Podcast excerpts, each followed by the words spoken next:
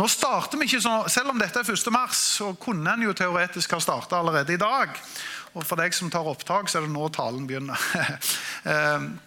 Eh, vi, skulle egentlig begynt sånn sett eh, i dag, i og med at det er 1. mars i dag. Men vi velger å fortsette litt, vil si være litt i den serien som vi har kalt for Viktige vaner og hellige handlinger. Og I dag så er det spesielt det som handler om jeg må få opp første bilde, eh, det som handler om en hellig handling. Fordi at Vi skal snakke spesielt om dåp. Og Det anser jeg ikke som en viktig vane, fordi et vane er noe du gjør regelmessig og hele veien. og jeg tenker Du kan bade og dusje regelmessig, det er en god vane. Men å døpe deg er ikke noe du gjør som til en vane.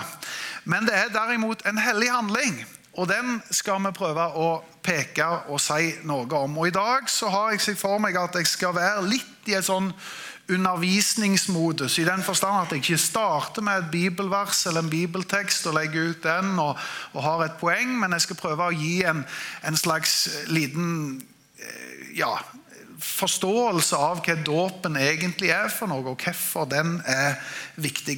La meg starte med å si at i denne menigheten så, så ønsker vi å ha en holdning av en respekt for folk med ulikt syn på dåp grunnleggende respekt for at vi rett og slett ser ulikt på disse tingene. Det har vi jo gjort, tatt konsekvensene av i den forstand at i denne menigheten så har det i alle år vært sånn at du kan bli medlem her uten å dele dåpssyn eller stå for det samme dåpssynet som vi offisielt gjør som menighet.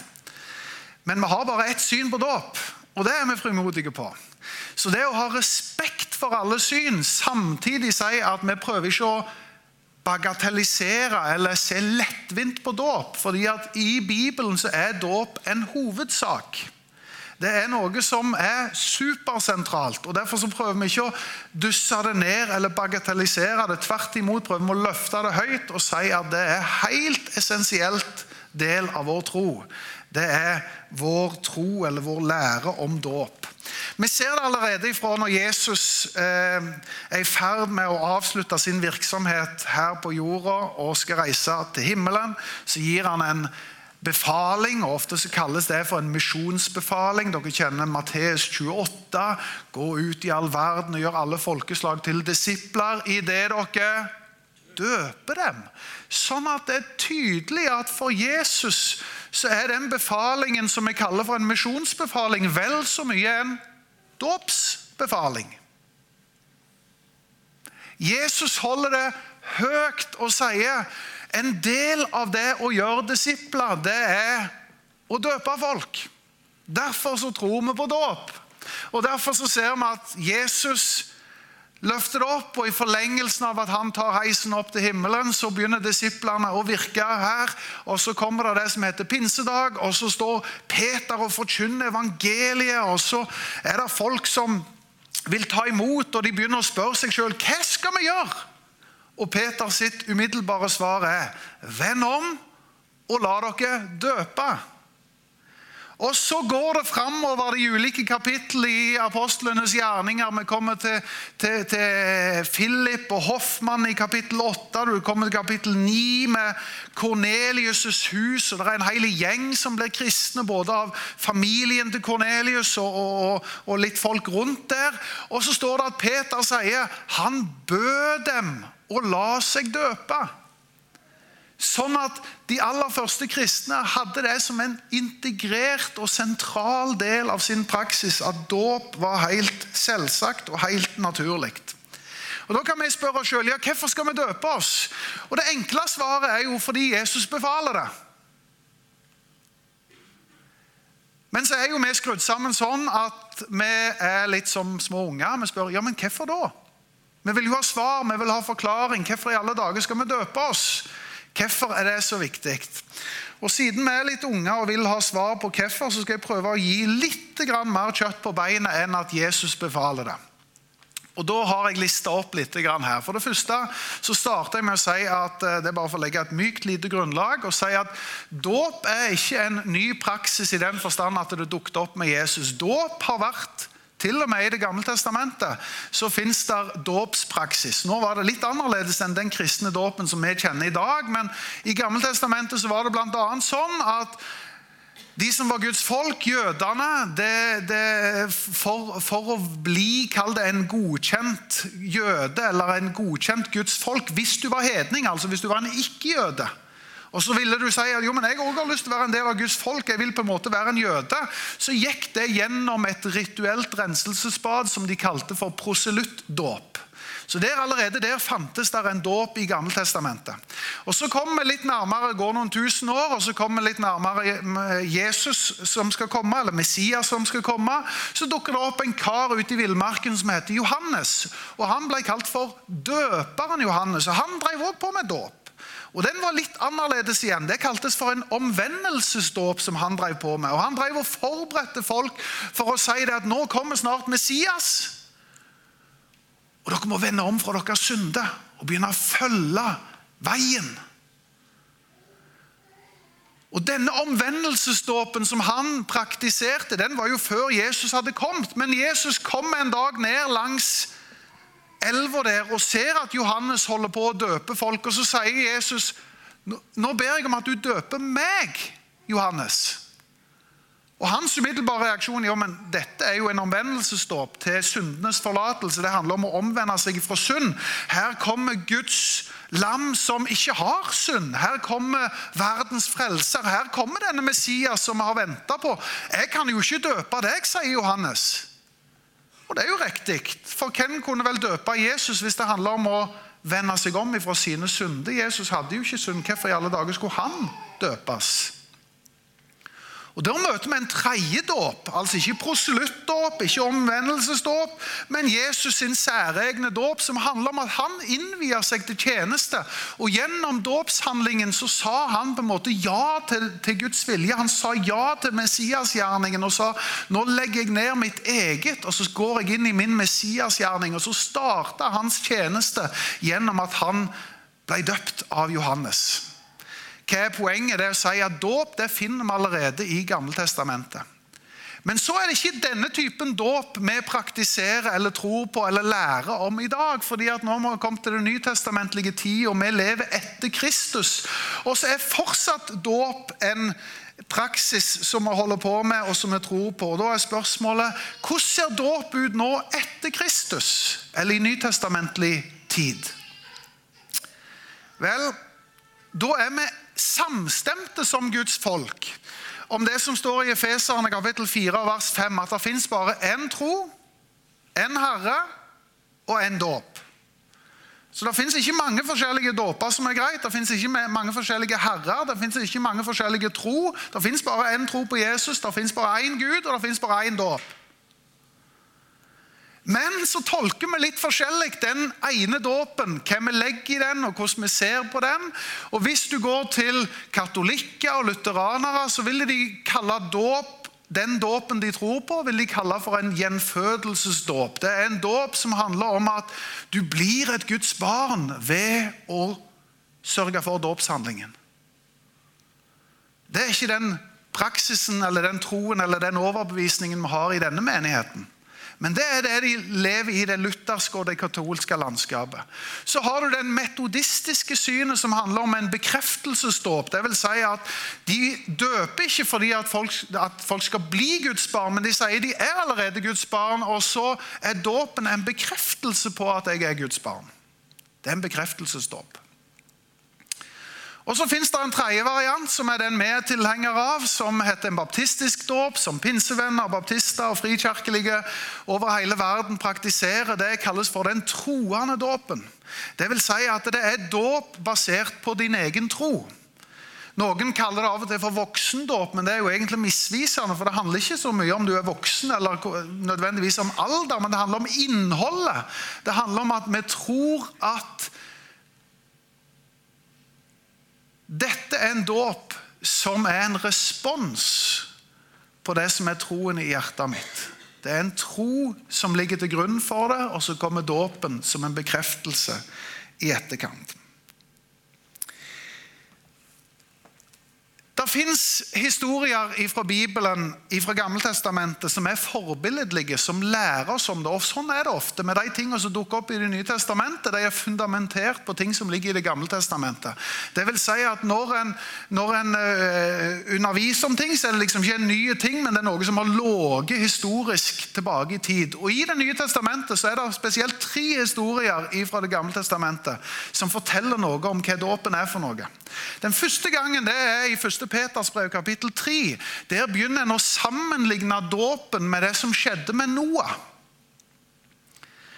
Og Mange her har gått på søndagsskole og kjenner til Noah-historien. Og Der vet vi at Gud kom med dom.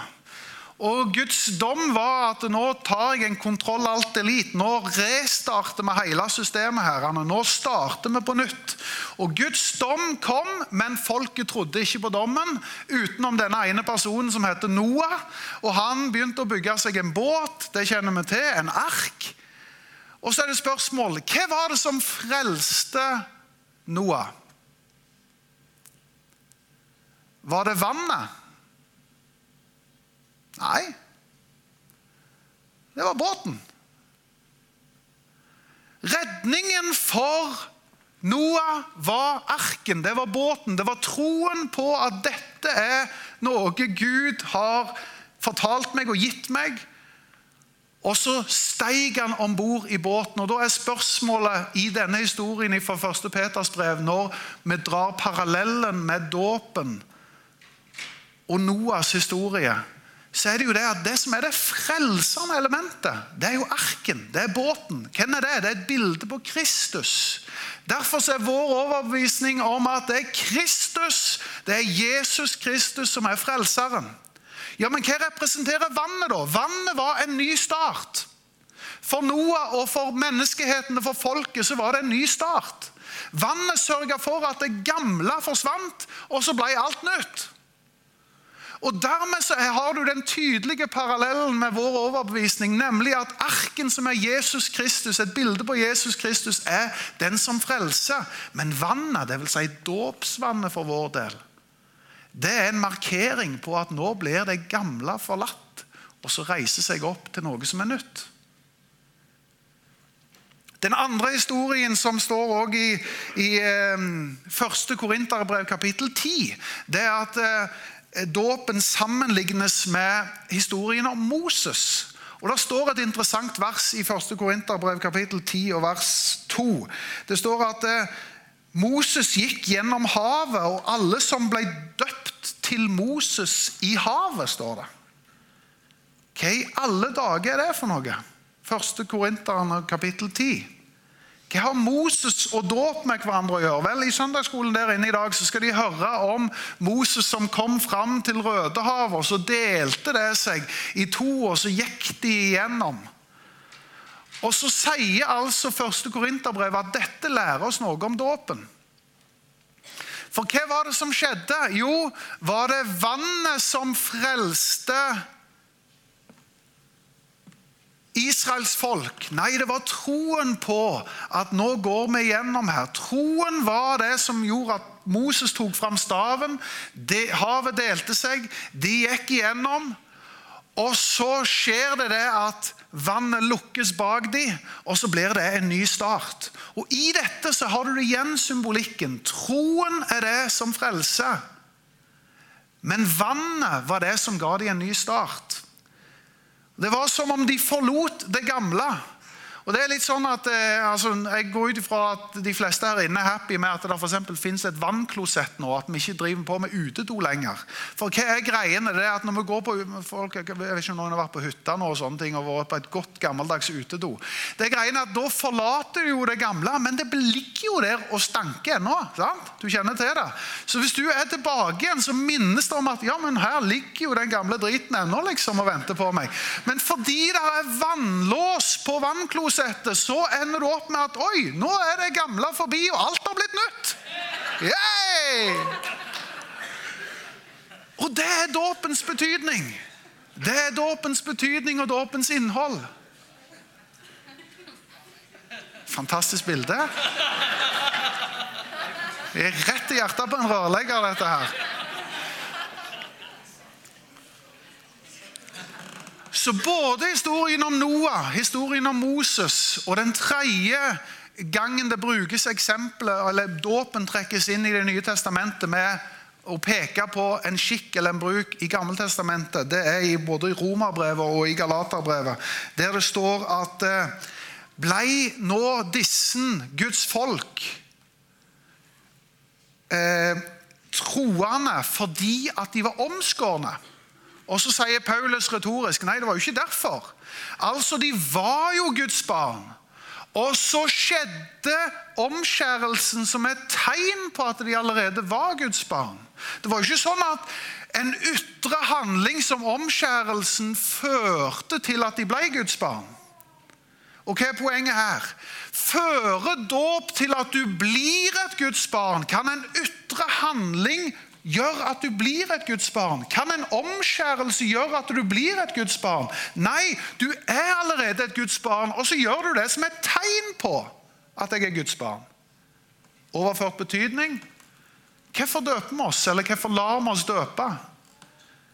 Det er et tegn på, det er en bekreftelse på noe som allerede er en indre virkelighet.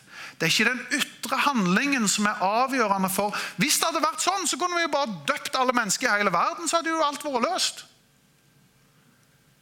Så hvis vi drev og tvangsdøpte alle folk, så kunne en liksom si at ja, men da er du Guds barn, fordi at da har du gjort det rette. Nei, det er jo ikke det vi bærer en tro på. Romerbrevet og Galaterbrevet forteller noe om dette. At vi gjør ikke de ytre handlingene for å bli akseptert av Gud. Vi er akseptert av Gud, og så gjør vi de ytre handlingene som dåpen er. Som en bekreftelse på det som er troen på innsida. Dette er de tre bildene som tas fra Det gamle testamentet, og som lærer oss noe om dåpen. Da har jeg kommet til det fjerde punktet mitt i denne oversikten, som er dåpens forutsetning. For i Bibelen så ser vi at det er en bestemt rekkefølge på ting. Det er ikke sånn at det er tilfeldig tid ting skjer. Nei, Bibelen sier noe veldig tydelig om at alt starter med forkynnelse. Hva kommer troen av? Troen kommer av forkynnelsen som kommer av Guds ord. Det vil si at Alt starter med Guds ord, og så forkynnes Guds ord. Og etter at Guds ord har blitt forkynt, så er det jo nødvendigvis noen som hører. Og hvordan kan noen tro hvis ingen forkynner? Og hvordan kan noen Hvordan er det det står nå igjen i Romerbrevet? Det står et eller annet om at eh, vi, kan jo ikke tro hvis vi ikke har hørt. sant? For troen kommer av forkynnelsen. Det vil si at det starter med Guds ord som forkynnes, og så blir det hørt. Og så blir det trodd. Og så blir det gitt en respons. Og Dette er rekkefølgen som går igjen og går igjen. og Leser du uansett hvor du leser, så vil du se at det var dette som var rekkefølgen. Når Philip kom eh, til en hoffmann som var langs en hoffmann fra Etiopia som var ute og, og på handelsreise, og så det er apostelgjerningene 8 så sitter han og leser i disse hellige skriftene og så begynner han å undre seg på hva er det egentlig som står her. Så er det tydelig at han leser det, og så begynner han å høre det, og så får han det forklart. og Så kommer han til tro, og så blir hans respons Er det noe til hinder for at jeg kan bli døpt? Og Så sier Philip nei, det er jo vann her, så nå kan vi jo sørge for at du blir døpt òg. For nå kan du få lov å gi din respons. Det vil si at Den vanligste responsen på at jeg vil tro, det er å bli døpt. Det er ikke å rette opp ei hånd i været og jeg ser din finger, nå kan du ta en indre bestemmelse hvis du trenger ikke si det til noen som helst. Du kan holde det helt for deg sjøl. Det som lett kan bli vår tilnærming. Den mest bibelske responsen på at jeg tror, det er at jeg lar meg døpe. Og Dette er kall det forutsetningen eller rekkefølgen som vi finner i Bibelen. Det er rett og slett forkynnelsen, det at du hører, det at du tror, og at du gir respons med at du blir døpt. Den som tror og blir døpt, skal bli frelst. Men den som ikke tror, skal bli fordømt. Igjen har du det. Det mest sentrale tro, det er troen. Men det betyr ikke at vi visker ut eller bagatelliserer eller snakker ned dåpen. at det ikke er så viktig. Dåpen er helt sentrale. Derfor så løfter vi opp, og derfor så tror vi på dåp som en hellig handling. La meg komme til slutt med dåpens betydning, eller dåpens symbolikk. Jeg har, spesielt, jeg har tre underpunkter på det. Og Det første handler om at jeg tror at dåpen er en slags omvendelseshandling, eller en synlig handling, for det du egentlig tror på. Eh, veldig mye av meg Det er kanskje oss litt nordmenn, men det er liksom en trend i tida at vi skal være private med det vi tror på. Vi skal liksom ikke utbasunere det.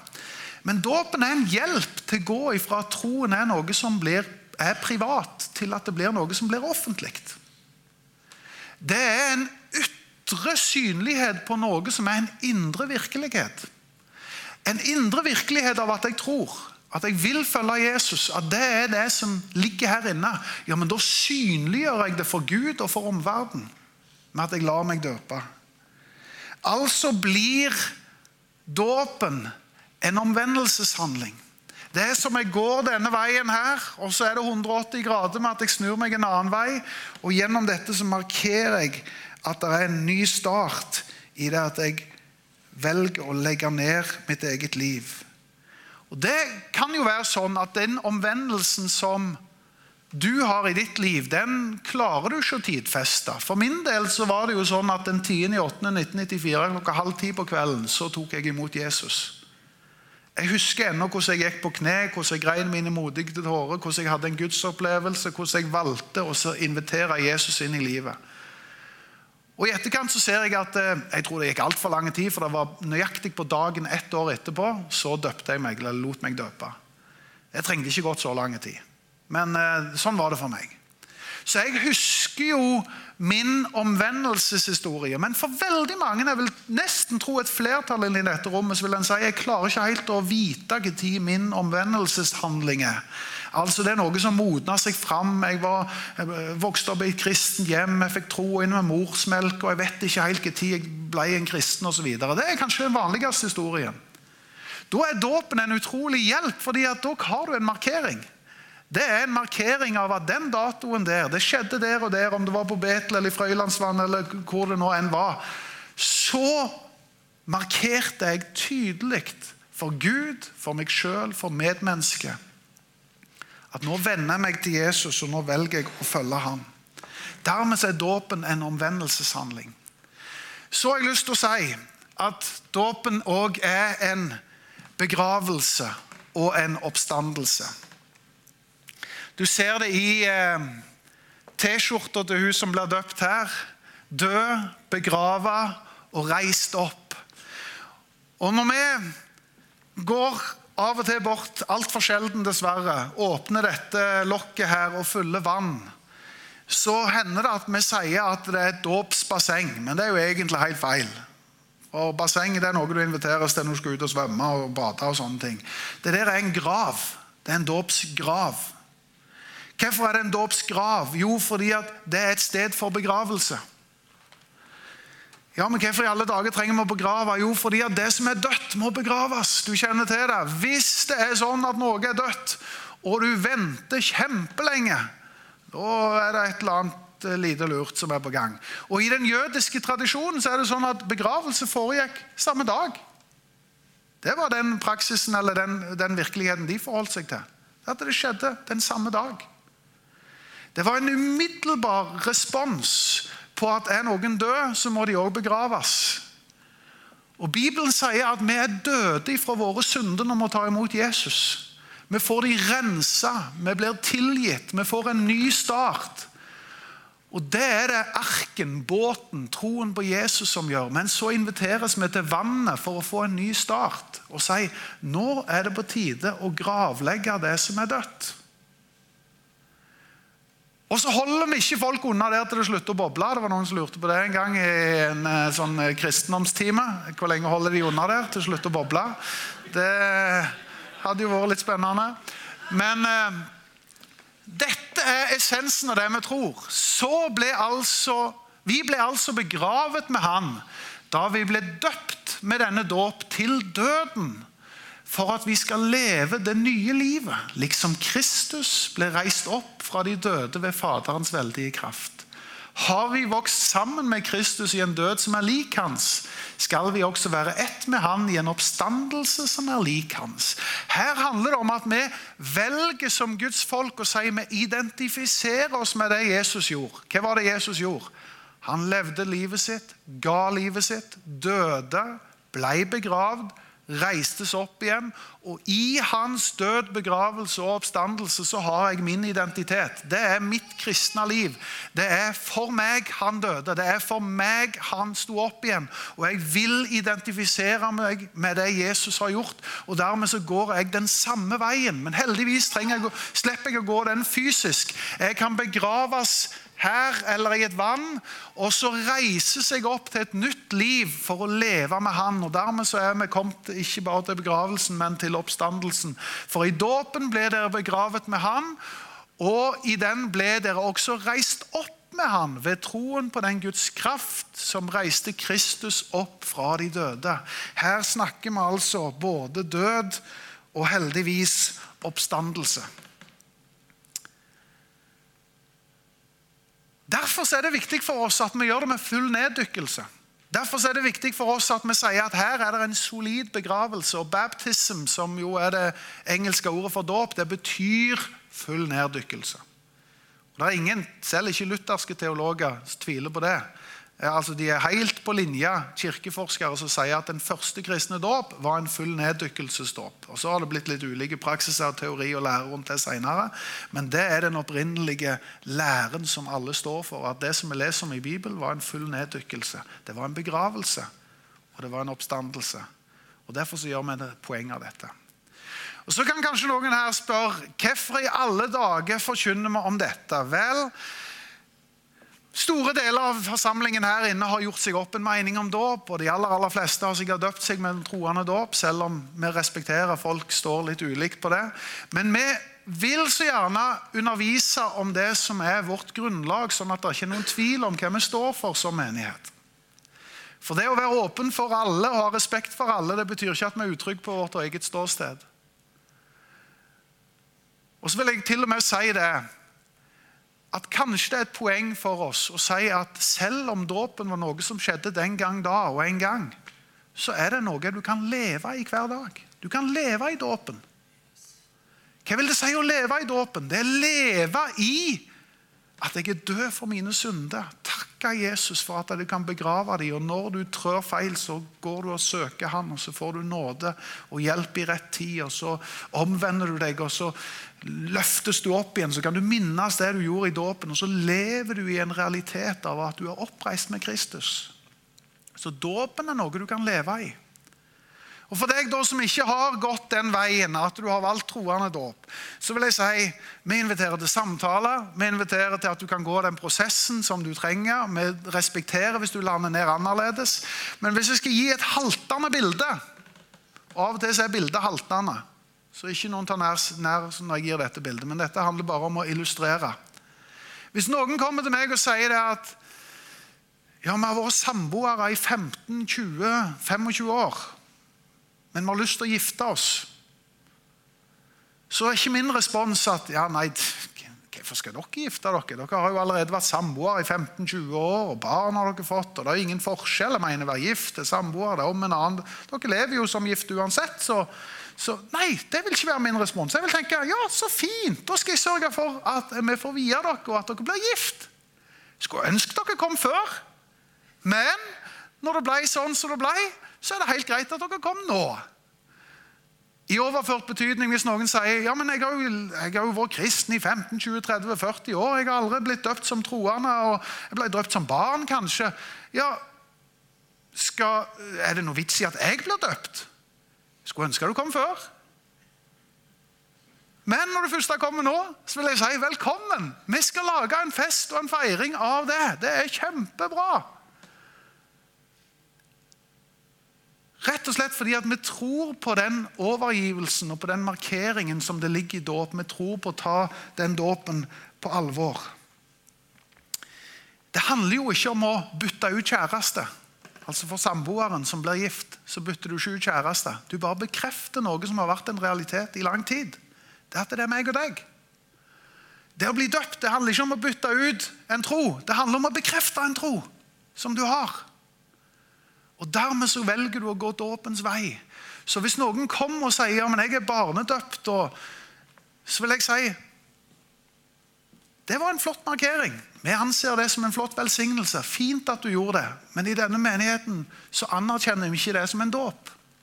Sånn at hvis du har lyst å vurdere om var den barnedåpen min egentlig en dåp, så inviterer jeg deg til å gå en prosess. Og først og fremst spør Gud. Gjør sånn som Anders, gå inn i Bibelen. Han gjorde det i et år og to. Undersøkte grundig sjøl. Stilte de spørsmålene han hadde.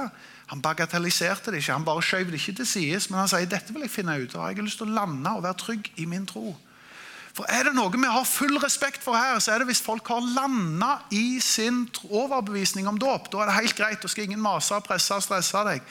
Men det er altfor mange som bare lener seg i at det er en eller annen tradisjon som ligger der, som jeg gjorde, som jeg ikke har et forhold til, som jeg ikke har en overbevisning om. Da inviterer jeg deg til å si kanskje det er på tide å bli gift. Kanskje det er på tide å markere at du vil gå dåpens vei av å følge Jesus. Og Når en da blir gift, så står en jo foran vigselsmannen der. Så spør vigselsmannen, ofte mannen først, da, vil du ha?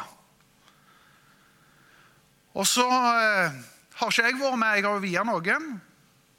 Så har ikke jeg vært med på ennå at mannen sier Jeg hørte forresten om en på Jæren som sa det at uh, han var en litt original. da.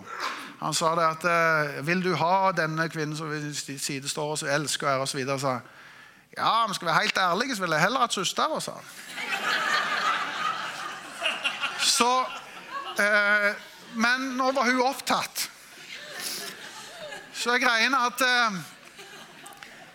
det normale er at du ikke går og venter på ja, må bare vente og se hva hun sier først, så jeg tar det litt seinere. Når Jesus ble spurt av Gud Fader om å gi livet sitt for menneskeheten, så var det et tydelig ja.